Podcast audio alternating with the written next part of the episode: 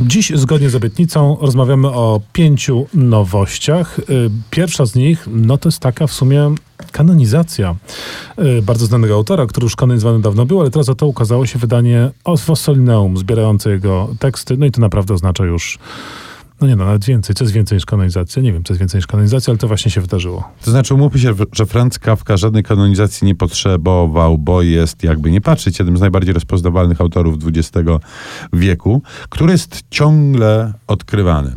E, I teraz w Bibliotece Narodowej dostajemy tom pod tytułem Wybór prozy w, ze wstępem i w opracowaniu Łukasza Musiała. Tej prozy jest tutaj sporo, więc troszeczkę oszukujemy, bo z tej książki można by wykroić książek kilka. I osobną książką jest właśnie długi i bardzo potrzebny i bardzo porządkujący wstęp e, Łukasza Musiała, który opowiada o bardzo różnych rzeczach. To znaczy opowiada o tym, kim Kafka był, gdzie żył i dlaczego oraz Dlaczego o był, czy dlaczego żył? I jedno i drugie. Oraz o tym, co jego z pismami się działo. Wszyscy wiemy e, o tym, że gdyby nie Max Brod, który nie zgodził się na spalenie rękopisów Kawki po jego śmierci, to Kawka nie istniałby w takiej formie, w jakiej my go znamy.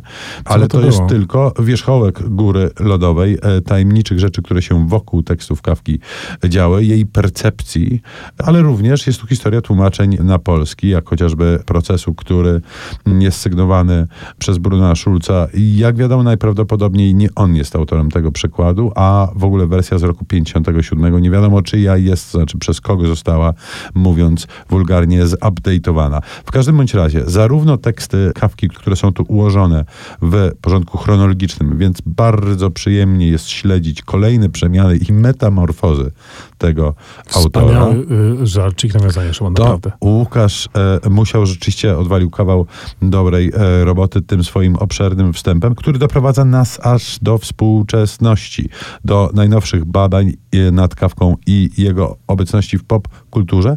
To jest niesamowite, jak dużo o Kawce dowiedzieliśmy się w zupełnie ostatnich dekadach. Dużo o człowieku możemy dowiedzieć się z najnowszej książki innego klasyka, ale żyjącego wciąż działającego klasyka. Ian McEwan ogłosił nową powieść Maszyny takie jak my.